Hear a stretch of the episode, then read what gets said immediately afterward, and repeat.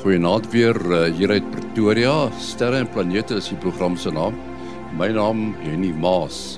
Ons het uh, twee gaste of drie gaste vandag in die program. U ken hulle al almal. Dis uh, Willie Koorts, Lafra Smit en Mati Hofman. Nou uh, almal weet as Lafra by is, dan uh, lig hy so 'n bietjie die sluier oor wat ons kan sien in Maart maand. Ja, en nee, ja, kom ons kyk bietjie na Maart maand se hoogtepunte. En uh, dan moet ek ook sommer dadelik noem, al die aksie vir die maand gebeur vroeg in die oggend voor die son opkom. Die planete gaan behoorlik op hulle stukke wees en reg deur die maand in groepies bymekaar kom. Ons begin sommer op die oggend van die 1ste wanneer 'n dun sekelmaan 'n mooi driehoek saam met Mercurius en Saturnus sal maak laag in die ooste. Die tweede sal ons luisteraars sien dat Mercurius en Saturnus baie naby aan mekaar gaan wees met Mercurius bo en Saturnus onder. Die volgende oggend, met anderwoorde die die derde, sal die twee net mooi omgeruil wees met Saturnus nou bo Mercurius. Mercurius is op pad terug son toe en sal teen die einde van Maart nie meer gesien kan word nie. Venus en Mars is ook vroegoggend in die ooste te sien. Beide kom al saam op 3 uur die oggend en is al redelik hoog in die lug teen die tyd wat Saturnus en Mercurius eers opkom. As jy die planete egter elke oggend dophou, sal jy sien dat Saturnus deur die loop van die maand by Venus en Mars sal aansluit. Jupiter is die meeste van die maand agter die son of nog te naby aan die son en sal eers teen die 20ste by die ander planete aansluit. Dit is juis die 21ste langs Mercurius in die ooste baie laag op die horison. Die oggend van die 28ste moet julle beslis op julle kalenders merk, dis iets spesonders, want dan gaan die maan, Venus, Mars en Saturnus saam in die ooste naby mekaar gesien kan word. As ons nog bietjie meer oor Venus kan gesels, dit bereik nou sy hoogste punt in die lug of die verste punt van die son. Dis nou van die aarde af gesien op 20 Maart. Daarna sal dit dan weer nader aan die son begin beweeg. Jy kan ook gerus met 'n verkyker of 'n teleskoop na Venus kyk. Omdat Venus so 'n vreeslike digte atmosfeer het, kan ons nie regtig enigiets op die planeet se oppervlakte sien nie en lyk Venus deur 'n teleskoop meestal maar na baie helder mens kan maar sê sterretjie alhoewel dit 'n planeet is. Wat Venus 'n teleskoop wel baie interessant maak, is dat die planeet net soos die maan gedurig in verskillende fases gesien kan word omdat dit nader aan die son as die aarde is omdat dit op die 20ste op sy verste punt van die son af is, sal ons dus net die helfte van Venus kan sien, slegs die kant wat deur die son belig word. Soos die maande aangaan, sal dit kleiner maar voller word, soos dit al verder van die aarde af agter die son inskuif. Ons luisteraars moet dan ook die dag van die 28ste as die as die as Venus naby die maan is, kyk of hulle Venus deur die dag gesien kan kry.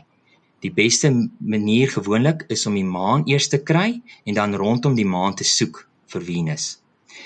Verder dan sommer net 'n paar ander algemene dinge om van kennis te neem. Vroeg aand kan jy nou die Orion konstellasie reg bo jou kop sien. Die Pleiades of die sewe susters sal in 'n noordelike rigting gesien kan word en as jy suid kyk, sal die suidekruis op sy een sy hang in 'n suidoostelike rigting. Die twee helder wyse sterre sal net onder die suidekruis sigbaar wees. Ja, so van helder sterre gepraat, ons luisteraars kan nou saans meeste van die helderste sterre in die nagruim sien. Sirius is die helderste en Canopus die tweede helderste. Maar wat my altyd in verwondering laat, is dat Sirius slegs 9 ligjaar van ons af is, terwyl Canopus oor die 300 ligjaar. So nou kan jy vir jouself indink dat Canopus baie groter en omtrent 500 maal helderder as Sirius moet wees, dat beide met 'n verskil in af, afstand van om en by 300 ligjaar dieselfde helderheid hier op die aarde kan hê. Sirius is net regs van Orion en net as jy nog 'n entjie verder regs gaan, sal jy dan vir Canopus kry. Die derde helderste ster is Arcturus en dit kom eers bietjie later in die nag op in 'n noordoostelike rigting. Vierde is een van die wyser sterre, Alpha Centauri, en Vega is vyfde en dit kom ook eers in die oggendure op. Dan, die sesde is Capella wat nou saans laag in die noorde gesien kan word. Wil jy dit vertel dat met 'n sterreaand by die Taalmonument was sy teleskoop heel aand op Capella gerig omdat dit so 'n skouspel gegee het deur in verskillende kleure te skyn en te flikker. Dit het natuurlik te doen omdat die ster so laag op die horison is en hoe laer op die horison, deur hoe meer van die aarde se atmosfeer dit moet skyn. En veral as die atmosfeer baie onstabiel is, sal jy dit baie sien dat die helder sterre so flikker en te kere gaan. Rigel en Betelgeuse is albei in die Orion-konstellasie met Rigel heel bo links en vertoon helder wit of effens blou. Dit is terloops ook 'n dubbelster as jy met 'n teleskoop daarna sou kyk. En nou Betelgeuse is die rooi geel ster regs onder in die konstellasie. Vir vir interessantheid is twee van die drie sterre wat die belt van Orion uitmaak, ook bekend as die drie konings onderskeidelik 29ste en 31ste op die lys van die helderste sterre in die nagruim. Die derde ster, Mintaka, is heelwat laer as die ander twee in die 73ste posisie. Dit is bietjie moeilik om nou so oor die radio presies te verduidelik waar elke ster is, maar ons luisteraars behoort dit vinnig te kry met 'n goeie sterrekaart of die moderne toepassings vir die rekenaar of selfoon soos Stellarium, Starwalk of een van die vele ander wat beskikbaar is. Soos die nag aangaan, sal die Orion konstellasie net na een in die weste sak en die Skorpioen dan in die ooste begin opkom. Teen die tyd wat die son opkom, sal die Skorpioen en die kern van die Melkweg al hoog in die ooste wees met al die planete laer af na die oostelike horison. En kyk jy suid, sal die suidekruis nou mooi regop staan. So ja, dit is my storie vir hierdie maand, redelik stil behalwe vir die planete wat vir ons 'n mooi vertoning in die ooste gaan gee, maar daarvoor sal jy vroeg moet opstaan om dit te kan sien. Ek sal ook deur die loop van die maand al hierdie inligting op ons sterre en planete Facebook groep deel met diagramme sodat ons luisteraars kan sien wat om te verwag as hulle self ook wil gaan kyk. Onthou ook dat die internasionale ruimtestasie, die Hubble ruimteteleskoop, die Chinese ruimtestasie en verskeie ander satelliete, soos die Starlink satelliete van Elon Musk, ook kort kort gesien kan word as dit oorvlugte oor Suid-Afrika het. In die geval van die Starlinks, 'n dag of 3 na lansering is die beste as ons gelukkig is. So daar's altyd iets om te sien. Nou vras uh, ek wil net vir jou vra, jy weet jy praat nou oor sterre en planete. Toevallig die program se naam Uh ek wil net by jou weet hoe weet 'n mens dat jy kyk na 'n ster en hoe weet 'n mens jy kyk na 'n planeet? Ja, en nee, dit is gewoonlik die maklikste manier om te onderskei tussen 'n ster en 'n planeet is 'n ster sal soos ek nou genoem het baie flikker in die onstabiele atmosfeer van die aarde, maar 'n uh, planeet is nie geneig om te flikker nie. Hy's dood. Hy lê dood rustig in die naghemel. So dit is een van die uh, uh maniere wat 'n planeet homself weggee dat hy 'n planeet is. En natuurlik uh, sy posisie verander so met die tyd, nê. Nee. Ja, ja, nee, hulle beweeg kort kort. Is hulle op verskillende plekke, ja. En jy sal natuurlik ook net 'n planeet aantref in die sogenaamde dieleriem of die ekliptika, die die die pad waar langs die son en die maan ook beweeg uh, alles in die sterre alles in die sonnestelsel lê mos in dieselfde vlak. Jy praat so van die ekliptika. Uh dit dit is so min of meer die pad wat die son ook loop, nê? Nee? Korrek, dit is reg. Dit is juist die son en dan netlik die maan. So hy so wyk so 5 grade af, maar dit is so rowweg die pad wat die maan ook loop. So as jy ja. skielik 'n helder ster reg suid of reg ver noord sien, dan kan dit nie 'n planeet wees nie. Ek wil net daar aansluit by uh Lafras, dis lekker as die mense nou kan sterre vind en as my so paar name ken, weet ons ouens wat nou oor die jare uh, vir mense baie sterre gewys het. Uh, ons ken daarom nou al so 'n bietjie name en uh, vir my is dit altyd 'n poging om name te leer ken, veral wat die meeste is nou maar in ander tale ge, gebaseer. Maar as my so die vyfde naam uh genoem het, uh dan sal mense al vir jou vra hoe jy geleer het en hulle dink dan jy's baie slim. Nou drie sterre wat die uh luisteraars dalk maar kan probeer die name onthou omdat dit so maklik is om te kry is die drie konings. Um uh, Mintaka, Alnilam en Alnitak. Weet dit sê vir my nogal nogal maklik. Almal Arabiese name en wat interessant is die al drie het name wat uh, herinner aan die groepering waaraan hulle is. Uh soos Alnilam uh vir uh, se betekenis is 'n uh, parelstring en die ander twee al die tak is 'n uh, weet soos 'n uh, gespe. Die Engels is girdle. Hoop my vertaling is daar reg en die die laaste een mintaka wat ehm um, Lafras nou gesê die 73ste helder ster is se betekenis belt. Uh, so dis nou interessant dat al drie se name verwys na daardie groeperingkie van die drie so mooi in 'n reguit lyn. Nou uh, as Mintaka een van die drie konings die 73 helder 73ste helderste is en ons sien dit steeds as sy helder ster net die drie konings staan mooi uit dan sê dit eintlik vir ons ons kan eintlik baie mooi helder sterre hier in die suidelike halfrond sien. In die noordelike halfrond hulle nou baie mooi diep voorwerpe dit is nou wat mense die teleskope wil kyk maar wat die helder blote oog voorwerpe betref is ons baie bevoorreg in die in die uh, suidelike halfrond nou nou op hierdie lysie van die helderste sterre wat nou ook my aandag daar ge, uh, uh, uh, gevang het is van die helderste paar sterre is baie ver. Jy weet hierdie sterre die uh, van die drie konings in die orde van 800 tot oor 1000 ligjare teenoor Alpha Centauri wat nou uh, La Frase gesê daar laag op bo die horison in die suid uh, is. Ehm um, Alpha Centauri is, is krale 4 ligjare, natuurlik nog steeds miljoene miljoene kilometers en dan Sirius uh, 9 ligjare en uh, wat ons dan ook maklik kan sien op 'n skrale 11 11 ligjare is Procyon. Uh nou uh as ons nou na Capella kyk wat Lafras gesê daar ver in die noorde is, amper reg noord hier ag hierdie aand uh vir ons omgewing van die land. Capella het ons gesê wat nommer 6 op die lys wat so mooi fonkel omdat hy so laag is. Uh en dan bietjie oos, 'n bietjie hoër kry ons die twee helder sterre van die tweeling Castor en Pollux en dan net so bietjie hoër ook weer twee helder sterre. Mens kan dit nogal verwar met die tweeling se koppe, maar hulle lê wat hoër is Procyon, uh dan die helderste een daar van daai groepie van 2 op 'n skrale 11 ligjare. So die drie naaste sterre wat ek van weet wat ons kan sien is dan al drie nou vroeg aansigbaar. Uh die planete moet die mense mos nou maar vroeg opstaan, maar dit is dan op 4 ligjare. Alpha Centauri, Sirius, die helderste ster baie maklik om hoog in, in die lig te kry op 9 en Procyon op 11 ligjare. Wil jy kom ons praat 'n bietjie oor hierdie begrip helderheid? Uh, ons gebruik ook die woord magnetide. Wat presies sê magnetide vir ons? Want dit daar's 'n snaakse ding. Want blykbaar as jy dit dit dit loop op 'n skaal en hoe helderder die voorwerp is, hoe meer minus is die skaal. Hoekom is dit so? Ja, die uh, skaal het nog al 'n interessante uh, geskiedenis wat uh, so ver teruggaan as 135 voor Christus. Uh waar Hipparchus is die Griekse sterrekundige gewees wat hy so 850 sterre natuurlik die helderste 850 sterre vanaf 'n lekker donker plek daai tyd was straatligte nie 'n probleem nie. Het hy ingedeel in in 6 um um, um streek 6 6 helderhede.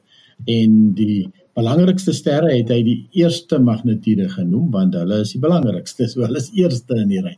En die dofste wat hy kon sien uh, was nommer 6 of die 6 magnetide, magnetide 6. En uh, en uh, en dan het hy nou die res tussen ingedeel. So dit was nou sommer net so 'n blote oog indeling wat so half baie rof gewerk het en uh, maar vir 1500 jaar het het hierdie stelsel van hom baie goed gewerk. Almal het het het het heel gemaklik dit gebruik. En en toe kom Galileo Galilei met uh, die teleskoop uh, maar hy het nou die teleskoop uitgevind nie, maar hy het van die eerste teleskope gebou na die uitgevind uitgevind het en hy sien toe nou allerhande uh uh, uh meer sterre met sy uh, verkyker of sy sy uh, teleskoop dan nou eintlik. Um en en en skielik moet daar nou bygevoeg word. So omdat dit van van 1 tot 6 geloop het, moes hy dan nou gaan 7 en al hoe dowwer soos jy sê die skaal die skaalwerk verkeerd om. En ehm um, so hier in 1856 het 'n uh, Engelse sterrekundige met die naam van Poggen het uh, die ding bietjie begin kalibreer. Galileo het natuurlik ook goed helderder gesien as die helderste sterre en toe moes daar negatiewe waardes aan dit geheg word. Toe het Poggen gekom in, in 1856 en en hy het die ding bietjie meer for, formeel gemaak en uh, hy het gesê dat 5 magnitudes verskil sal uh 100 maal uh, uh verskil in helderheid wees byvoorbeeld en uh dit wiskundig gebruik uh, as maar jy my reg ja bedink is tot die mag uh 2.5 is 'n is 'n uh, eksponensiële skaal en wanneer ons oog werk werk uh, eksponensieel. Ja, so die uh, uh vandag uh, kan ons nou die sterre baie helderder meet, uh baie meer akkurater meet. Uh um ons ons het dan nou klaar gesien dat Sirius byvoorbeeld is, is 'n negatiewe magnitude. Ehm um, en en uh, waar Park is dit nou net as magnitude 1 gemaak het al die helderste ouet. So ja, so dis 'n skaal wat nou ook al baie ver aankom en baie meer formeel geraak het en wetenskaplik geraak het. Ja, daai faktor uh uh meer presies is 2.512 en dit is die 5de magswortel van 100. So 2.512 maal 2.512 5 keer gee dan vir jou feitelik presies uh presies 100. Ehm um, en jy het nou gesê die mense oog werk uh werk nie lineêr nie. Uh dit beteken nou die ster wat uh 100 keer helderder is in intensiteit as jy dit nou met 'n ligmeter gaan meet, gaan nie vir jou 100 keer helderder lyk nie. Ehm um, dit gaan vir jou meer uh 5 keer helderder lyk as jy nou so die die helderheid kom sê nou maar 'n helderheid 2.5 vat uh en die helderheid uh 0 en die helderheid 5 dan gaan die helderheid 2.5 net so mooi vir jou tussen die twee ander helderhede lyk uh want dis hoe jy oog dit ervaar. Die mense oor is ook soortgelyk om nou maar 'n rowwe analoog 'n rowwe verduideliking te gee. Uh, veronderstel jy luister na 'n uh, 'n uh, orkes wat nou uh, eers een viool speel en al die daar's nou baie instrumente kom ons maak dit nou sommer vir vir, vir, maklike vir, verduideliking 100 instrumente. Ek dink dit is gewoonlik so baie nie maar uh, sê nou maar 100 en hulle speel almal ewe hard in intensiteit. Uh, nou as almal skielik saam speel gaan dit nie vir jou 100 maal helderder klink nie. Ehm um, dit gaan dalk vir jou 5 maal helderder klink. O, oh, Mati, ons het lanklaas oor die Parker sending gepraat. Die uh, sending wat op pad is na die son. Maar dit lyk my hy het nou 'n foto van Venus geneem. Ja, hy is nou in 'n primêre plek gebou om naby aan die son te kom met sy baie spesiale uh warmteskakel. Uh maar hulle het toe nou besluit om sy in uh, met een van sy instrumente metings van Venus se atmosfeer te maak en dan spesifiek kan hy kan kyk na die spoed uh wat die wolke mee uh, uh beweeg in in Venus se atmosfeer en dit gee nou vir hulle hou vas op die weerpatrone en so meer. En tot hulle groot verbasing sien hulle toe deur die wolke tot op die oppervlak van Venus. En dit is die eerste keer ooit dat in sigbare lig in Venus se atmosfeer gesien kon word. Behalwe nou van die dink dit was nie meer as twee senders omtrent wat op Venus se oppervlak gaan land het nie, toe hulle natuurlik onder die oppervlak ingekom en naby fotos kon neem wat weens die baie ehm uh, vyandige gesinde uh, atmosfeer wat betref uh masjiene wat daar land het nie baie lank hulle het maar paar minute gehad wat hulle fotos kon neem voordat uh, die hitte en die druk nie meer moontlik was nie. En hierso is nou uh het die wolke oopgemaak en hulle was heeltemal verstom en hulle het uh nog hulle vergelyking kon tref tussen wat hulle sien dis nou nie sulke skerp fotos wat ek sover kon sien wat hulle so geneem het nie maar genoegsaam dat hulle kon kyk hoe vergelyk dit met die radar uh fotos wat hulle met radarbeelde van die radiogolwe wat die radar mee werk en dit was nou onder andere die Magellan sending daar kon hulle 'n mooi korrelasie sien wat hulle nou vertroue meer vertroue ook gee in die in die radar opnames van Venus se uh oppervlakte. So dit was nou nogal uh, Frans het ons nou verwys daarna dat as ons met 'n teleskoop kyk dan kyk ons na maar hierdie baie helder voorwerp. Ons kyk maar eintlik die weerkaatsing van die wolke wat nou nie naaste by so skouspelagtig is as wat ons na Saturnus uh en veral Jupiter sou kyk nie en selfs Mars met wat ons kan oppervlak kenmerke of kenmerke in die atmosfeer uh kan uitken nie. Ons het so ruk gelede met Clyde Foster gepraat, die ou wat die Clyde spot raak gesien het op Jupiter en uh toe toe ek vir hom gevra nou maar wanneer kyk hy na die goed? Uh Lafras, uh watter tyd vir die dag of uh, die nag kyk jy na jou jou sterre en so voort want wat seker ook interessant is uh is die vraag is hoe beïnvloed atmosferiese steurings jou sogenaamde kyk? Ja, en dis baie interessant. Ehm um, dit hang nou maar eintlik af waarna mens wil kyk. Uh jy weet die ruimte en die heelal laat hom nou nie aanjaag nie. As daar nou byvoorbeeld 'n sterrestelsel is wat nou nog nie opgekom het nie, dan sal jy nou maar moet wag tot hy nou eendag opgekom het. Maar uh, ja, nee, gewoonlik uh ek het nou ondervind, ek weet nie dit dit verskil nou maar van van omgewing tot omgewing, maar my beste toestande um, om te kyk is gewoonlik net as die son klaar gesak het. Ek weet nie ek het nou met die ander mense probeer praat en dit probeer verduidelik, maar dit is vir my of my my toestande al hoe erger raak soos wat die nag aangaan en uh, dit dis hoekom ek maar so vroeg veral as ek nou na soos byvoorbeeld die maan en die planete uh, na kyk dan kyk ek eerder maar so gou as moontlik.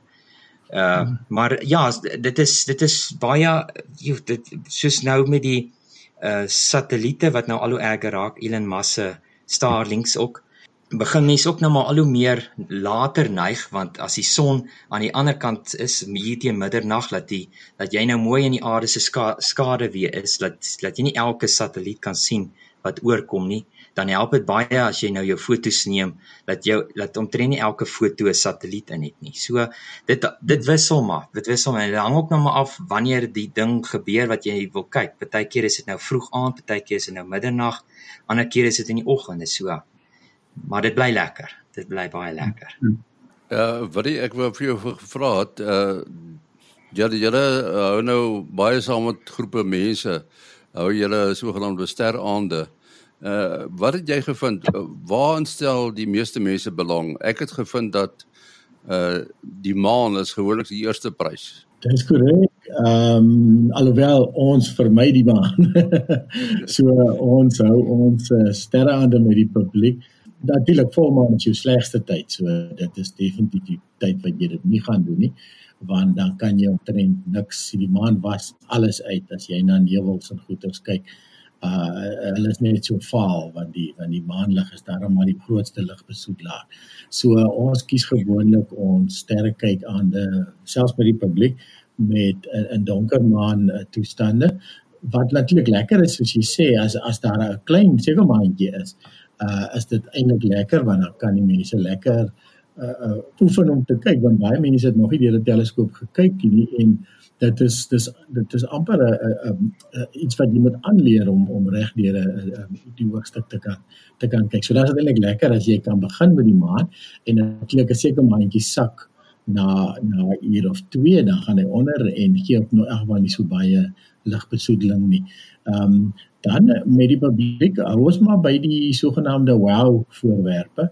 So uh, ons maak seker ons ons kyk goed wat wat uh, bietjie die aksie by by mense sal uitlok. Um, uh, ja, soos ons soos nou genoem het met die met met uh, uh ons ek het nou met twee skoolgroepe gewerk die afgelope 2 naweke en uh dit was uh nog lekker as jy kinders vandag word mos nou nie uh sommer meer uh, uh gewou nie want hulle word aan alles blootgestel. Ek weet jy kan op die internet die die snaakste goeie sien. So dis eintlik baie lekker as jy vir die vir die kinders iets wys deur 'n teleskoop en hulle sê wow, dis dis dis cool. en uh, uh, uh, uh so byvoorbeeld soos ek nou soos wat maar uh, Lagras nou gesê het met La Capella, ek het toevallig die aand um het ek na Capella toe gegaan um uh, uh, net om my om my uh, uh teleskoop te kalibreer laat hy nou laat hy nou weg uh, reg sy rekenaartjie reg werk. So jy moet hom kalibreer op twee sterre en en en toe toe ek vir die hele aan vasgehaak en die mense was gefassineer deur die verskillende kleure. En uh iets wat ek nou die afgelope naweek gesien het was met ehm um, met met Alpha Centauri wat 'n dubbelster is en en uh uh Castor een van die twee ding Castor en Pollux. Castor is ook 'n dubbelster twee sterretjies styf te mekaar. En die, die kyktoestande jy nou vir Lafras gepraat van kyktoestande. Partymal is die atmosfeer maar baie troebel en hy en en hy speel rond en jy kan byvoorbeeld nie eh, 'n uh, fyn maak jy self hoeveel jy fokus nie die die die sterre bly die hele tyd in en hy fokus gaan soos wat die atmosfeer uh beweeg. Selfde met turbulensie met 'n vliegtyg. Partymal is die vlug lekker glad en en dan is dit gelykstaande aan goeie wat ons noem sien en en en ander slae dan staan daai vliegtyg iets vreeslik en dan is dit presies daarom koulig wat meng en en dan vir jou swak eh, kyk toestande gee. So toe wys ek vir hulle hierdie twee sterretjies dit lyk soos die kopligte van 'n kar baie baie ver en en en dit het hulle nogal gefassineer. So ja, so ons probeer maar by die by die interessante goeters hou wat mense se aandag lekker trek en dan ehm um, uh ons ander byvoorbeeld by die Taalmonument word nou afgesny met half 11 wat die wat die mense wat dit oopbou op moet huis toe gaan. Uh so as jy partymal 'n uh, sterrepartytjie waar jy kan deur die nag gaan, dan begin jy nader aan allerlei dowwer en dowwer voorwerpies bekyk. Um wat vir die normale mens glad nie interessant gaan wees nie, maar gewoonlik as mens verduidelik om te besef waarna kyk jy, hoe ver kyk jy en hoeveel miljoene sterre is dit waarna jy kyk dan dan is dit nog al 'n lekker ondervinding vir vir self die week. Wil dit terwyl jy aan die gang is uh, jou besonderhede? Ja, selfoonnommer 072 4579 208. 072 4579 208. En Lafras? Ja, en jy is welkom te WhatsApp um, 076 704 2773. Dis 076 704 2773. En dan Mati 0836257154. 0836257154. En die program se e-posadres sterreplanete@gmail.com. sterreplanete@gmail.com. Ons is volgende week terug. Tot dan, alles van die beste.